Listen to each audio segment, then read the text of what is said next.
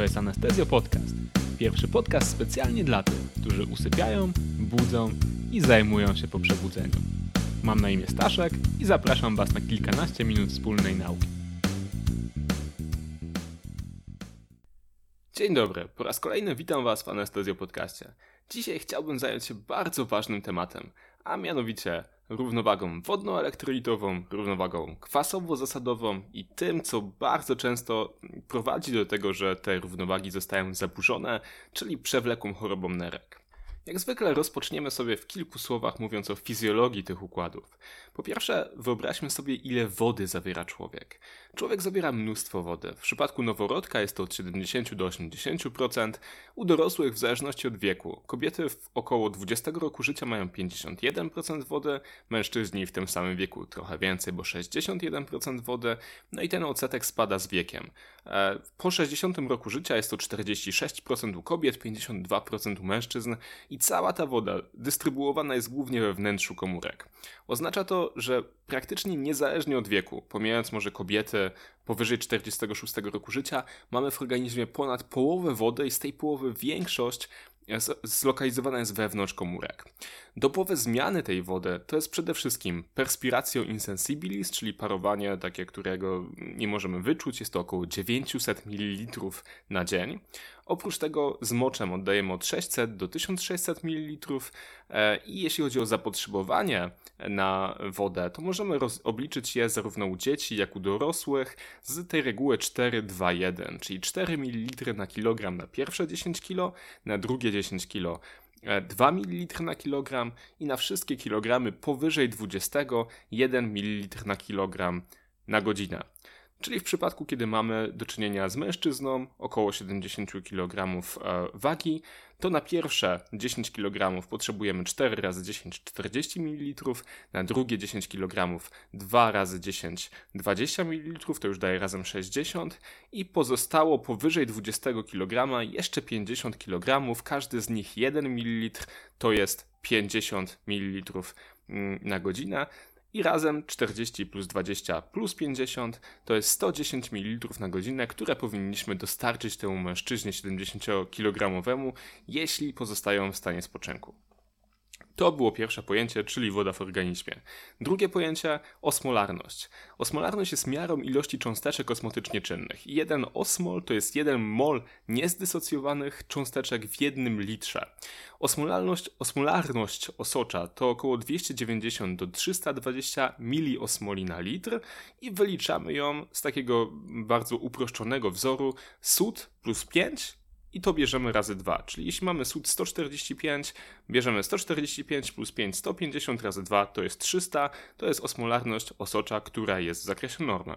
Jeśli chcemy mieć trochę dokładniejszy wzór, to bierzemy 2 razy sód plus glukoza przez 18 plus mocznik przez 6. I z takiego wzoru również możemy sobie obliczyć osmolarność osocza nieco dokładniej niż w przypadku e, tego wzoru wyłącznie z sodem.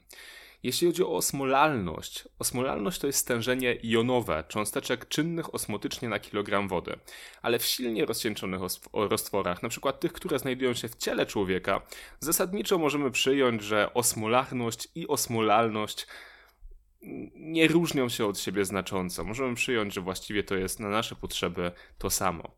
Czym jest więc ciśnienie koloidoosmotyczne? Ciśnienie koloidoosmotyczne to jest ciśnienie, które jest wywoływane na błonę półprzepuszczalną, np. na ścianę kapilary krwionośnej, przez makrocząsteczki i jest ono wywierane w 80% przez albuminy w przypadku osocza. Norma 25 do 28, wartości 18 do 20, białko poniżej 5 albo albuminy poniżej 2,5 uważane są za tzw. Tak próg obrzękowy, czyli za wartości poniżej których mogą wystąpić obrzęki. Czyli jeszcze raz 18 do 20 ciśnienie koloidoosmotyczne, białko poniżej 5 i albuminy poniżej 2,5. Te wskaźniki będą nam mówiły o tym, że mogą wystąpić obrzęki związane sensu stricte z ciśnieniem koloidoosmotycznym. Dalej, zapotrzebowanie na płyny w czasie operacji. Czyli tak, powiedzieliśmy sobie, jakie jest zapotrzebowanie yy, takie podstawowe człowieka na płyny. Ja mam 80 kg i z tego co wyliczyliśmy, dla mnie podstawowe zapotrzebowanie na godzinę to jest mniej więcej 120 ml. Jeśli chodzi o płyny w czasie operacji, no to to zapotrzebowanie naturalnie się zwiększa z różnych powodów. Z powodu tego, że pacjent jest otwarty, że parowanie jest większe, że krew leci itd., tak itd. Tak Jeśli mamy małą operację, to mówimy o tym, że zapotrzebowanie na płyny rośnie o 4 ml na kilogram na godzinę. Jeśli mamy średnio dużą operację, to zapotrzebowanie rośnie o 6 ml na godzinę, na kilogram na godzinę. Jeśli mamy otwartą odszewną, dużą operację, na przykład operację mm, okrężnicy, to będzie rosło to zapotrzebowanie o 8 ml na kilogram na godzinę. Czyli znowu mamy człowieka 70 kg, który ma bazalne zapotrzebowanie wyliczone przez nas 110 ml na godzinę. Jeśli to będzie mała operacja ortopedyczna, powinniśmy dodać do tego dodatkowo 70 e, razy 4, czyli 280 ml e, na godzinę, co razem oznacza, że pacjent, pacjent powinien od nas dostawać 390 ml na godzinę. Przy średniej operacji, np. operacji kręgosłupa, jest to już 420 ml na godzinę, co razem oznacza 530. A jeśli to jest duża operacja, np. kolektomia, no to będziemy mieli dodatkowe 560 ml na godzinę, czyli razem 670 ml na godzinę. Obecnie jednak raczej restryktywnie podajemy płyny. Wiecie o tym, że chociażby przewodnienie pacjenta może doprowadzić w chirurgii jelitowej do niedrożności zespolenia, do rozejścia się zespolenia. W związku z tym staramy się dawać płyny raczej w mniejszych ilościach, raczej w zależności od tego, e, jak ten pacjent hemodynamicznie się e, zachowuje. Natomiast generalnie co, co do zasady możecie sobie takie liczby zapamiętać, czyli 4 do operacji dla, na kończynach albo przepłuklin, 6 do średnio dużych operacji, 8 do operacji z otwartą otrzewną. I teraz tak, jakie mamy możliwe zaburzenia gospodarki wodnej? Co do zaburzeń gospodarki wodnej mówimy przede wszystkim o odwodnieniu i o przewodnieniu. I zarówno odwodnienie, jak i przewodnienie mogą być hipertoniczne albo hipotoniczne. Odwodnienie hipertoniczne jest związane z hiperosmolarnością i z hipernatremią. E, czyli mamy za dużo sodu. Będziemy leczyć to odwodnienie podając glukozę 5% przez 48 godzin. E, możemy sobie wykorzystać taki wzór na potrzebną ilość tego roztworu glukozy. To jest sód, który mamy, minus 142, bo 142 uznajemy za mniej więcej środek normy, razy masa ciała pacjenta, razy 0,2 podzielone przez 142. I ta stała 0,2, o której mówiłem, to jest stała raczej wzięta ostrożnie. Niektóre publikacje mówią o 0,6. Wszystkie wzory, o których mówię w dzisiejszym podcaście, będą wrzucone na stronę internetową, także możecie sobie je stamtąd spisać, nie musicie ich koniecznie próbować zapamiętać. Ja też mam je zapisane w notatniku. E, druga rzecz, odwodnienie hipotoniczne. E, to jest hipoosmolarność, hiponatremia. Terapia to jest sód i sód znowu wyliczamy z tej normy 142 minus to, co mamy w tej chwili w osoczu, razy masa ciała pacjenta razy 0,1. Natomiast sodu nie wolno dawać wtedy, gdy osmolarność osocza jest w normie. Mm, także to jest też bardzo ważna informacja. Przewodnienie hipertoniczne to jest e, znowu sytuacja, w której mamy za dużo sodu i za dużo wody w organizmie. Podajemy wtedy glukozę, żeby obniżyć sód i diuretyki, żeby wysikać wodę. Jeśli mamy przewodnienie hipotoniczne, to podajemy diuretyki, a sód podajemy ewentualnie, ale tylko wtedy, kiedy e, sód w osoczu e, wynosi poniżej 130.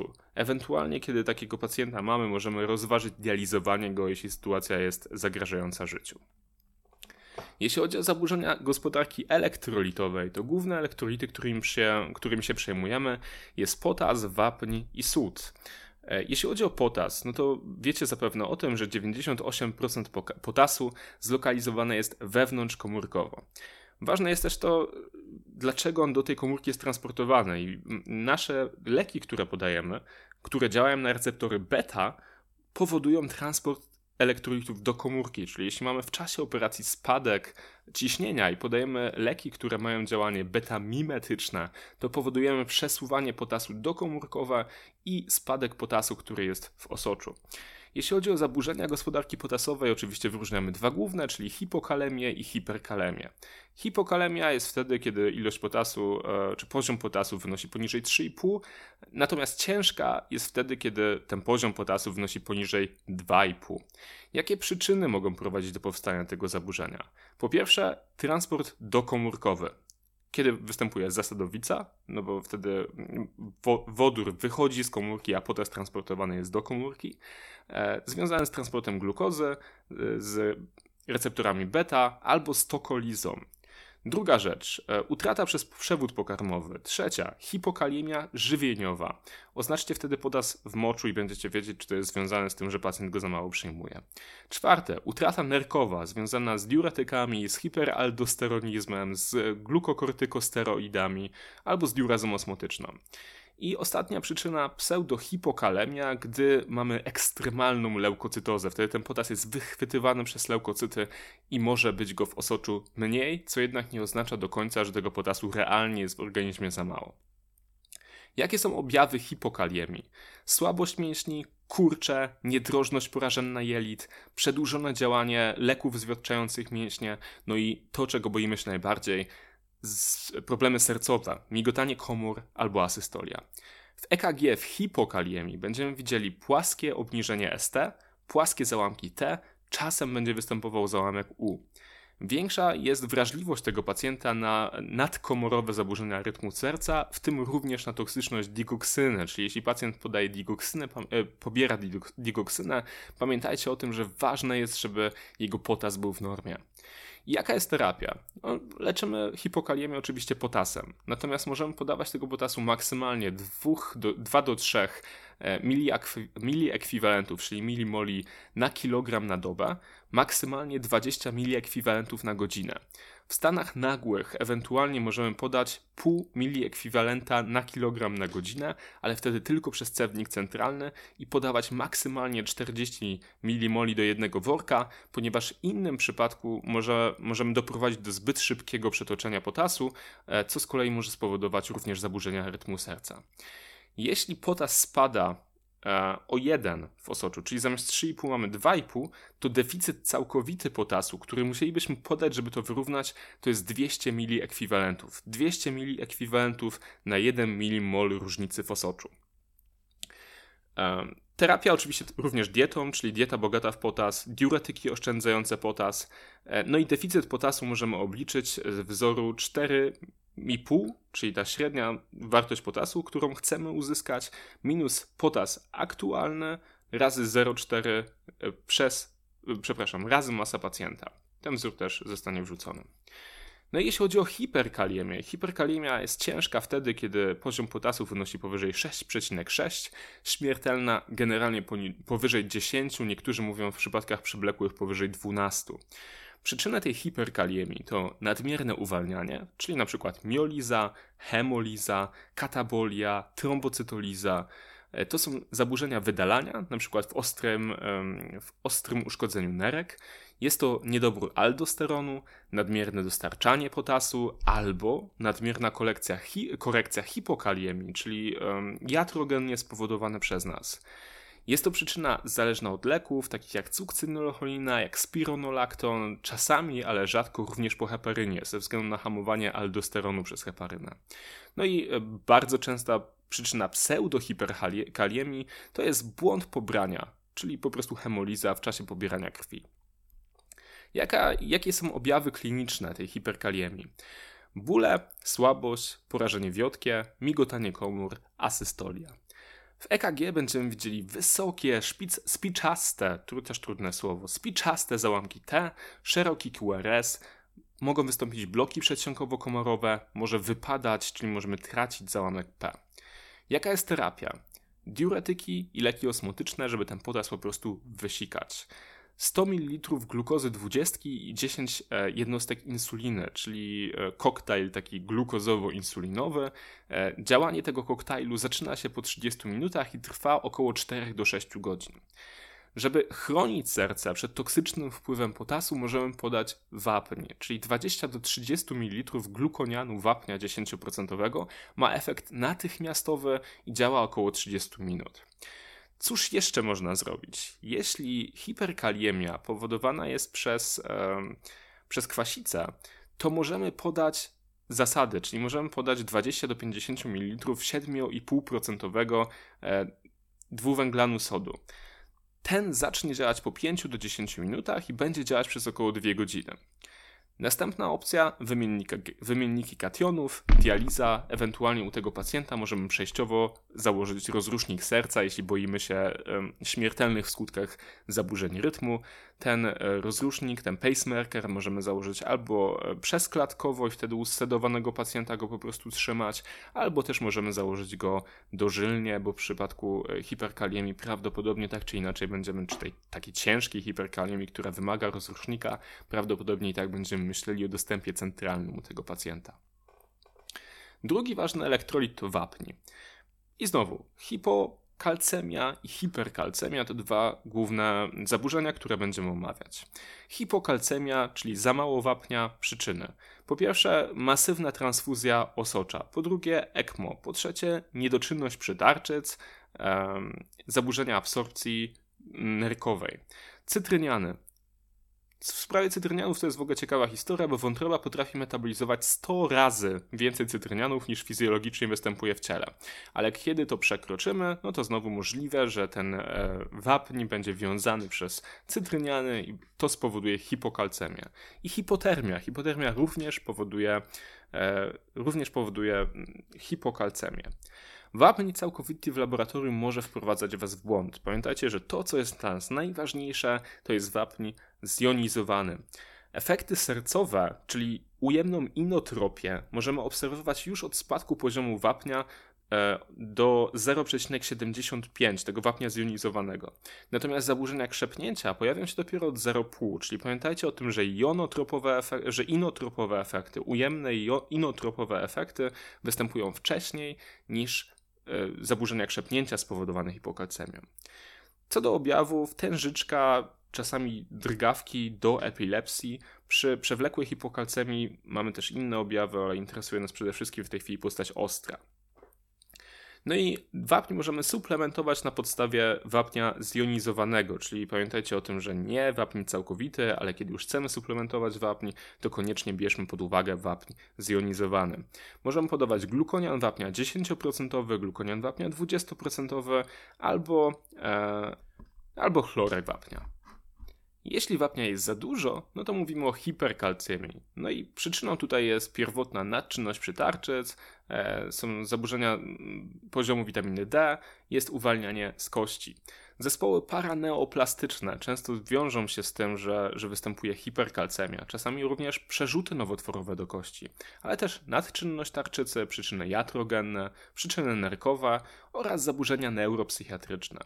W EKG w hiperkalcemii możemy zobaczyć skrócenie odstępu QT e, i przy poziomach powyżej 9 mmol na litr opisywano też migotanie komór sercowych wskutek hiperkalcemii. No jaka jest terapia? Terapia to jest glukoza 5%, diuretyki pętlowe, izotoniczne roztwory siarczanu sodu. Można podawać 1 litr co 3 do 6 godzin, e, suplementując też potas, czyli od 20 do 40 mili ekwiwalentów potasu do jednego worka. Jest to rzadka terapia, ale też skuteczna. Przy zaburzeniach rytmu serca możemy podać EDTA, żeby trochę e, wyciągnąć ten wapń w sposób ostry z, z krwi. No i tego pacjenta, który ma znaczną hiperkalcemię, możemy też ewentualnie dializować. Sód. Jeśli chodzi o zaburzenia sodu, to sobie już trochę powiedzieliśmy w kontekście odwodnienia, prawda? Jeśli chodzi o hiponatremię, czyli za mało sodu, no to um, przyczynami może być z takich e, ciekawszych zespół TUR, e, zespół zaburzonego wydzielania hormonu antydiuretycznego, czyli wazopresyny. Mogą to być choroby paraneoplastyczne, e, zaburzenia zapalenia płuc, również powodują hiponatremię i choroby ośrodkowego układu nerwowego. Taki pacjent, który ma hiponatremię, może przyjść do nas splątany, zaniepokojony, mając zaburzenia świadomości, mając znaczne obrzęki. Jak będziemy to leczyć? Oczywiście furosemidem, odstawiając leki, które mogą mieć wpływ na hiponatremię, czyli opioidy, karbamazepinę, pentamidynę, ograniczając podaż płynów pacjentowi, ewentualnie podając sód, ale znowu dopiero wtedy, kiedy sód wynosi poniżej 130. Pacjenta z hiponatremią czasami trzeba też dializować, ale jest to postępowanie, e, że tak powiem, ostatniego rzutu. Jeśli chodzi o hipernatremię, no to przyczynami jest przede wszystkim utrata wolnej wody, skutek hiperalimentacji, leki zawierające sód, chociażby penicylinę, moczówka prosta, perspiratio insensibilis, które jeśli jest zwiększone, może powodować utratę wolnej wody i na skutek tego hipernatremię albo oparzenia. Ten sam mechanizm. E, jeśli chodzi o mm, roztwory, które możemy podawać, to, to, to, to chodzi o to, żebyśmy tą hipernatremię wyrównywali w sposób powolny i niecałkowity. Czyli po prostu schodzimy z tym sodem w dół, ale niekoniecznie musimy myśleć o tym, żeby zejść do dolnej granicy normy, bo szybka korekcja hipernatremii może powodować obrzęki mózgu i zaburzenia neurologiczne. No to tyle jeśli chodzi o elektrolity i teraz możemy przejść do równowagi kwasowo-zasadowej. I znowu kilka słów o fizjologii.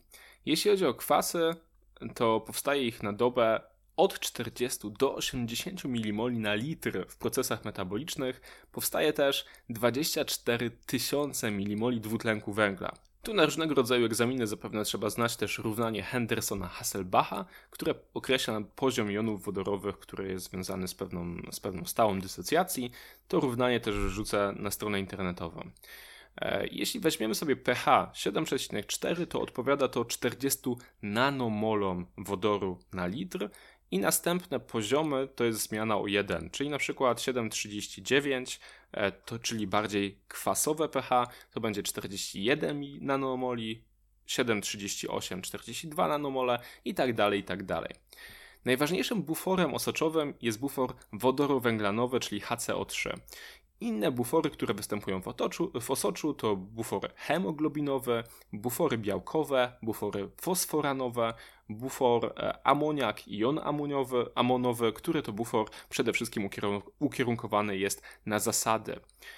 E, jeśli chodzi o bufor hemoglobinowy, to ważnym efektem jest tak zwany efekt Bora, który mówi że, e, o tym, że pojemność buforowa hemoglobiny zależy od wysycenia tlenem.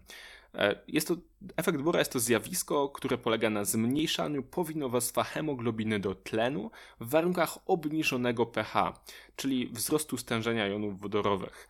Powoduje to, że tlen jest łatwiej oddawany przez hemoglobinę w tym środowisku. Jeśli chodzi o rolę wątroby, Wątroba jest odpowiedzialna za produkcję mocznika. Z czego produkowany jest mocznik? Mocznik produkowany jest z NH4, czyli ze słabego kwasu, i z HCO3, czyli mocnej zasady. E, jeśli więc spadnie synteza mocznika w wątrobie, to będziemy mieli mniejsze zużycie HCO3, czyli naszego buforu wodorowęglanowego.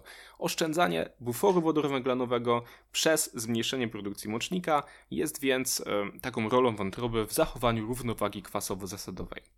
No jeśli chodzi o główne zaburzenia, które mogą wystąpić, no oczywiście mamy dwa główne typy, czyli kwasica i zasadowica, w zależności od tego, czy pH spada, czy rośnie. No i jedno i drugie może być oddechowe albo metaboliczne. Jeśli chodzi o kwasicę oddechową, bierze się ona z tego, że hipowentylacja powoduje wzrost stężenia dwutlenku węgla, czyli wzrost PCO2 i w ten sposób spada nam pH związane z wyczerpaniem pojemności buforu wodorowęglanowego. Czyli jest to związane przede wszystkim z hipowentylacją centralną albo związaną z, z drogami oddechowymi, no i leczenie tej kwasicy oddechowej będzie pierwotnie oddechowe jakie są problemy związane z kwasicą oddechową. No więc problemem głównym jest to, że rozszerzają się naczynia, że ciśnienie śródczaszkowe czy wewnątrzczaszkowe rośnie, a krzywa dysocjacji hemoglobiny jest przesunięta w prawo, w związku z czym mamy ułatwione oddawanie tlenu. Kiedy ta kwasica oddechowa kompensowana jest metabolicznie, no to pH wraca do zakresu normy, ale dwutlenek węgla tak czy inaczej jest wysoki, niedobór zasad, czyli base excess wynosi powyżej plus 3, no i mamy też wzrost jonów wodorowęglanowych, które w tym wypadku wynoszą powyżej 25. Pełna kompensacja tej kwasicy oddechowej następuje po 3 do 5 dniach. Drugie zaburzenie, zasadowica oddechowa, czyli związana tym razem z hiperwentylacją. Hiperwentylacja może wynikać ze strachu, z wentylacji mechanicznej, złych ustawień wentylator, respiratora, e, z sepsy, z ciąży. Klinicznie ważna jest ona wtedy, kiedy PCO2 wynosi poniżej 30, czyli pomiędzy 30, 30 a 30 35 mamy jakąś szarą strefę, która generalnie nie jest dla nas aż tak, yy, aż tak fizjologicznie istotna. Skurcz naczyń mózgowych to jest główna, główny problem, który wynika z zasadowicy oddechowej. Zmniejszenie ukrwienia mózgu, ale ogólna hemodynamika najczęściej jest w porządku. Ten skurcz naczyń mózgowych możemy wykorzystywać też w neurochirurgii, kiedy lekka hiperwentylacja na wentylatorze mechanicznym może powodować zmniejszenie, lekkie zmniejszenie ciśnienia śródczaszkowego. Krzywa dysocjacji hemoglobiny przesuwa się w lewo, czyli oddawanie tlenu w tkankach jest utrudnione. Leczenie zasadowicy oddechowej przede wszystkim leczenie przyczynowe. Jeśli zasadowica oddechowa jest kompensowana, no to znowu mamy tym razem spadek HCO3 poniżej 21 i base excess poniżej minus 3. Standardowe HCO3 to jest taki, taki wskaźnik, który jest nam potrzebny do tego, żeby dobrze e, rozpoznać zaburzenia metaboliczne tym razem. Czyli standardowe HCO3 jest oznaczane wtedy, kiedy próbka jest w pełni utlenowana i o prawidłowym PCO2. I Base Excess potrafi, po, pozwala nam rozpoznać przede wszystkim te zaburzenia metaboliczne. Więc tak, jeśli mamy kwasicę metaboliczną, no to jest ona związana chociażby y, z cukrzycą i z kwasicą chociażby ketonową, z utratą jonów wodorowęglanowych, czy też z kwasicą mleczanową, która jest najczęstszą kwasicą na oddziale intensywnej terapii i koreluje też ze śmiertelnością. Kwasicę mleczanową dzielimy na dwa, dwa, główne typy. Kwasica mleczanowa A jest związana ze zmniejszoną perfuzją albo niedoborem tlenu w tkankach. Kwasica metal, e, mleczanowa B ze wszystkimi pozostałymi przyczynami kwasicy. Leczenie kwasicy to mm, na przykład bufory, ale warto je podawać dopiero wtedy, kiedy mimo wszystko no, podjęliśmy jakąś próbę leczenia przyczynowego, bo pacjent ma kwasicę metaboliczną, czy, czy staje się coraz bardziej chory nie dlatego, że ma kwasicę, tylko staje się coraz bardziej kwaśny dlatego, że ma ciężką chorobę. I warto też myśleć o tym, jak prowadzić w tym przypadku leczenie przyczynowe. Kompensacją kwasicy metabolicznej jest przede wszystkim hiperwentylacja, czyli pacjent szybko oddycha po to, żeby zmniejszyć stężenie dwutlenku węgla i to też możemy obserwować w badaniu gazometrycznym. Jakie są następstwa kwasicy? No więc mamy następstwa mózgowe, takie jak osłabienie czy splątanie, następstwa krążeniowe, jak najpierw tachy, a później bradykardia, komorowe zaburzenia rytmu, spadek ciśnienia, spadek rzutu serca, zaburzenia oddechowe, czyli ten słynny oddech Kussmaula, e, zaburzenia pokarmowe, pseudoperitonitis, to jest zaburzenie, które może występować w kwasicy ketonowej i imitować ostry brzuch i zawieść pacjenta na, na stół operacyjny. E, ale także zaburzenia narkowe, które są związane ze zwiększonym wydaleniem potasu i ze zwiększeniem poziomu aldosteronu. Drugie zaburzenie metaboliczne, czyli zasadowica metaboliczna, związane jest przede wszystkim z utratą jonów wodorowych. No i terapię prowadzimy tak naprawdę dopiero wtedy, kiedy ta zasadowica jest ciężka. Nie? Jeśli chodzi o kompensację, no to tutaj też logicznie będziemy mieli lekką hipowentylację, czyli stężenie dwutlenku węgla będzie rosnąć. Pozostałe wskaźniki to jest oczywiście base excess powyżej plus 3, jak tu w zasadowicach, e, i HCO3 e, będzie też podniesione. No i teraz przed chwilą mówiłem o tym podaniu buforów. Jeśli mamy do czynienia z kwasicą, no to mamy różne możliwości wyrównywania tej kwasicy buforami. I takim najpopularniejszym preparatem jest dwuwęglan sodu 8,4%. Jego dawkowanie możemy wyliczyć z takiego dosyć prostego wzoru, czyli base excess razy masa ciała razy 0,3. E, z tym, że ważne jest to, żeby najpierw podać tej wyliczonej dawki najwyżej 50%, a następnie jeszcze raz zrobić, zrobić badanie gazometryczne i ponownie obliczyć dawkę, która jest potrzebna. Ta dawka, która nam wychodzi z tego wzoru, czyli jeszcze raz base excess razy masa ciała razy 0,3, to jest e, dawka w mililitrach. E, no i tak jak mówiłem wcześniej, podajemy to dopiero wtedy, kiedy przyczynowe leczenie jest niemożliwe. Przewlekłą kwasicę wyrównujemy wolno, a szybko, a ostrą kwasicę wyrównujemy szybko. Zwykle podajemy ten nabi, czyli dwuwęglan sodu razem z potasem, a ślepe buforowanie, takie, że może ten pacjent akurat tego potrzebuje, e, robimy tylko w wyjątkowych sytuacjach. To z tego, co, co się orientuję, w tej chwili jedynym wskazaniem, które pozwala nam, ślepe, nam na ślepe buforowanie dwuwęglanem sodu jest przedłużająca się resuscytacja, wtedy ewentualnie możemy podać maksymalnie 100 ml dwuwęglanu sodu. E, pamiętajcie też o tym, że podanie dwuwęglanu sodu zwiększa nam PCO2, W kwasicy naj, najczęściej podawane, podawanie tego dwuwęglanu jest konieczne dopiero poniżej pH 7,20-7,15 może, a wtedy jednak trzeba pamiętać o tym, żeby to HCO3 utrzymywać powyżej 10 do 12 mmol. Jeśli chodzi o inne bufory, mamy tak, na przykład tak zwany bufor TRIS, który obniża PCO2 i obniża stężenie jonów wodorowych, czyli jest to jakby działa zarówno na kwasicę zewnątrz, jak i wewnątrzkomórkową, natomiast ten bufor będzie przez obniżenie PCO2 będzie hamował napęd oddechowy, czyli można go stosować tylko i wyłącznie u chorych, którzy są wentylowani mechanicznie, ewentualnie przy ścisłym monitorowaniu i możliwości wentylacji mechanicznej. Jeśli chodzi o wyrównanie zasadowice, no to tutaj tym, co by się teoretycznie no, do tego nadawało, jest, e, jest kwas solny, czyli HCl 7,25%. Jeśli mamy 1 ml takiego roztworu, to zawiera on 2 mili ekwiwalenty chloru i 2 mili ekwiwalenty wodoru, ale generalnie no, podawanie tego mm, jest zwykle słabym pomysłem. Podajemy to dopiero, kiedy base excess wynosi plus 12 albo więcej. Wcześniej tak naprawdę nie ma wskazań do tego, żeby podawać e, kwas chlorowodorowy. E, I jeśli chodzi o dawkę, no to znowu wyliczamy to z base excess razy masa ciała razy 0,15. Podajemy maksymalnie 0,2 mmol na kilogram na godzinę w glukozie piątce 5% przez cewnik centralny, czyli nie podajemy tego nigdy, absolutnie nigdy do żyły obwodowej. No i ważne jest też, też, też to, żebyśmy byli absolutnie pewni, że ten cewnik centralny leży tam, gdzie ma leżeć. Następne pojęcie lekko fizjologiczne to jest pojęcie luki anionowej. Luka anionowa może być w normie albo może być podwyższona i luka anionowa, czy podwyższenie luki anionowej wynika z tego, że mamy w organizmie nadprodukcję kwasów.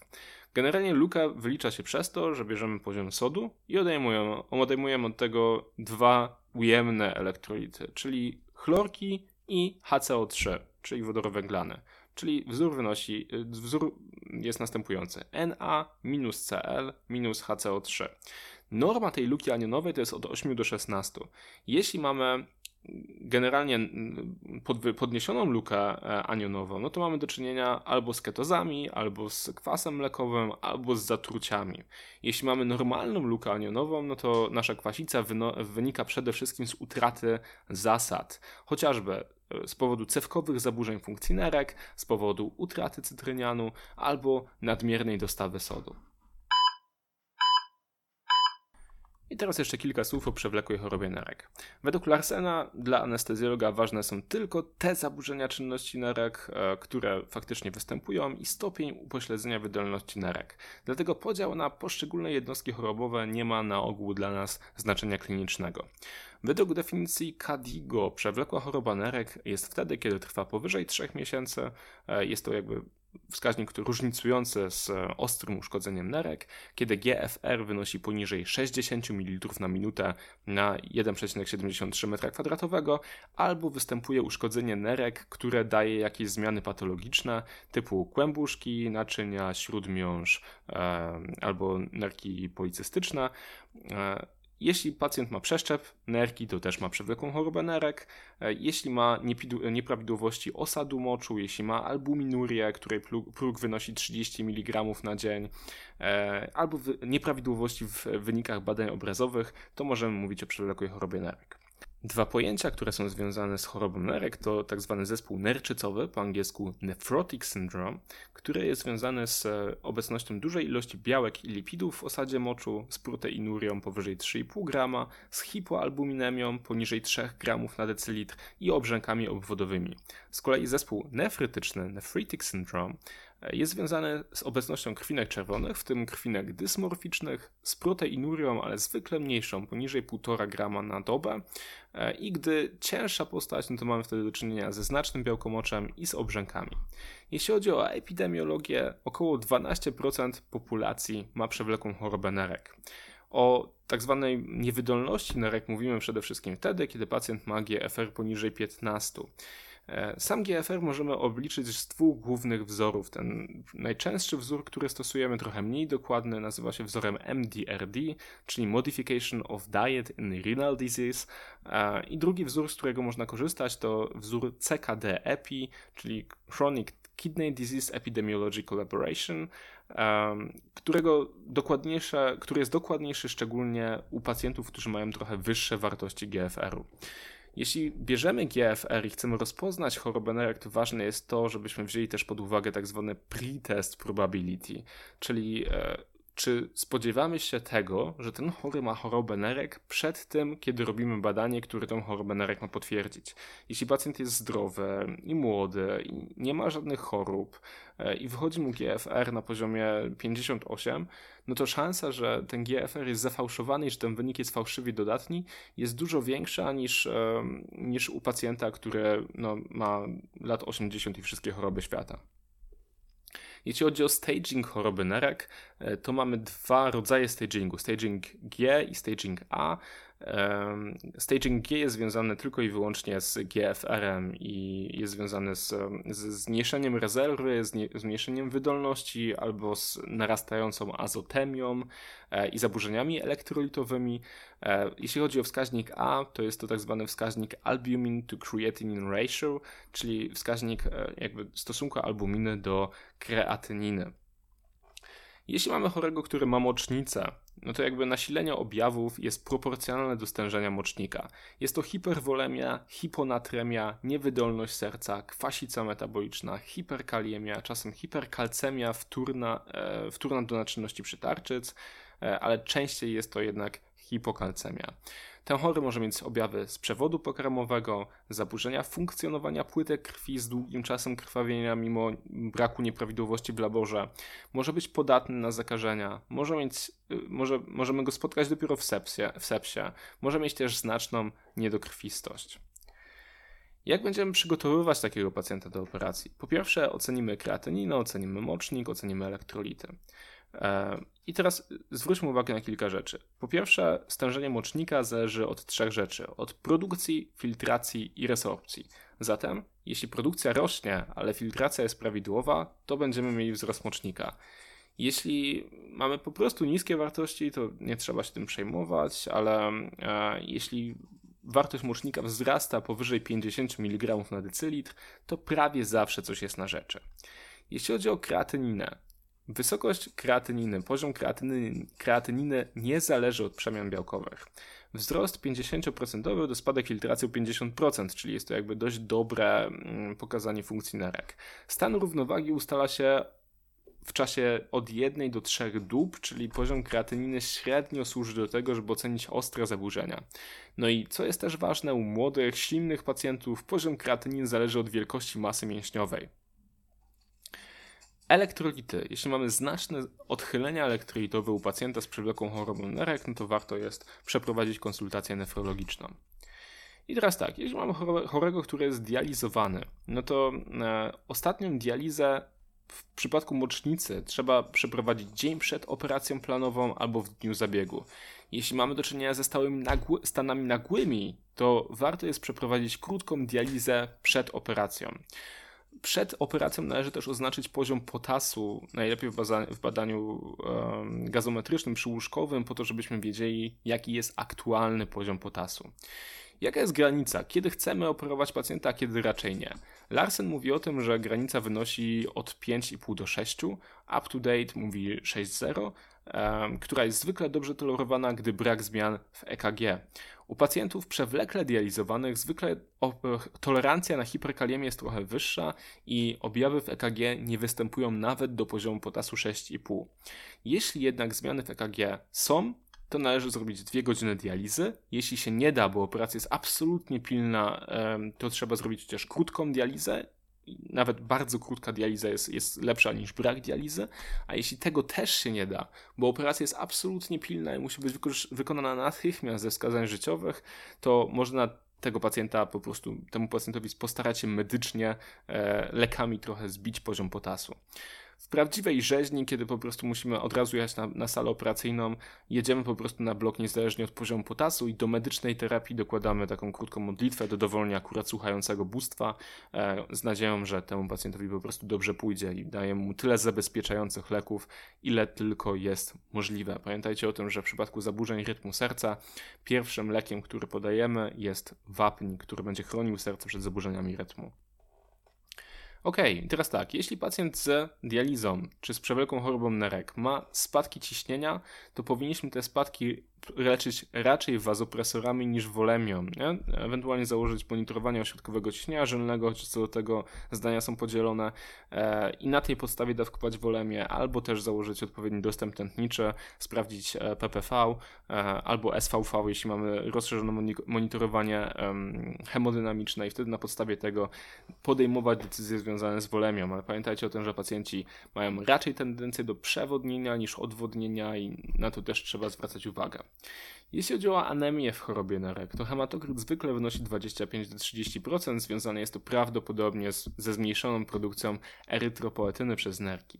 Często ci pacjenci mają kompensacyjny wzrost e, pojemności minutowej i objętości wyrzutowej, czyli generalnie oni lepiej tolerują niskie wartości hemoglobiny, nawet hemoglobiny poniżej 6.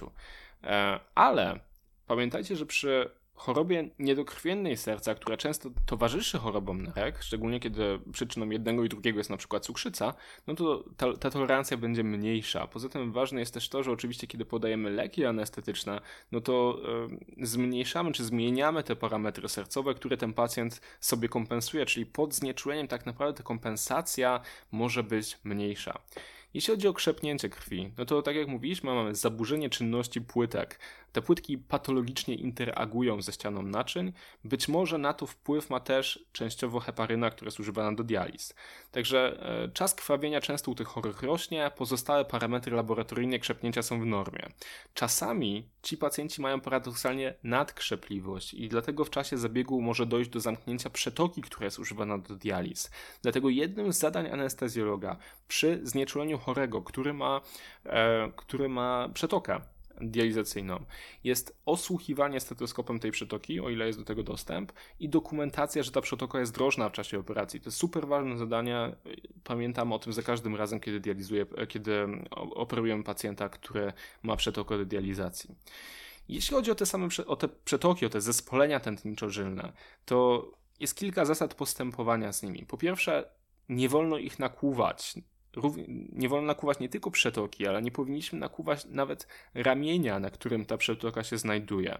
Jeśli chodzi o drugie ramię, to teoretycznie możemy je nakuwać, ale praktycznie dobrze by było, żebyśmy tego nie robili, ze względu na to, że to drugie ramię może pacjentowi, które dzisiaj ma już dializę, w momencie, kiedy ta przetoka przestanie funkcjonować, może posłużyć mu to drugie ramię do tego, żeby założyć nową przetokę, nowe zespolenie tętniczo-żylne i jeśli nie będziemy chronić tego ramienia, no to może okazać się, że, mm, że po prostu nie będzie ono już do tego zdatne. Dlatego o ile możliwe, o ile to jest możliwe, e, możemy wziąć po prostu stopę do, mm, do założenia węflonu.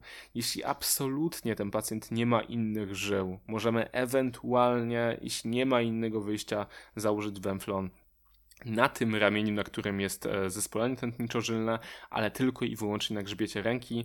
I tak jak mówię, to jest absolutnie ostatnia, ostatnia możliwość, którą e, możemy wykorzystać.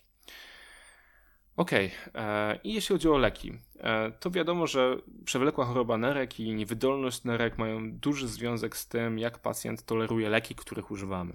Te, które e, mają głównie znaczenie dla nas w znieczuleniu, to są barbiturany, które działają silniej i dłużej.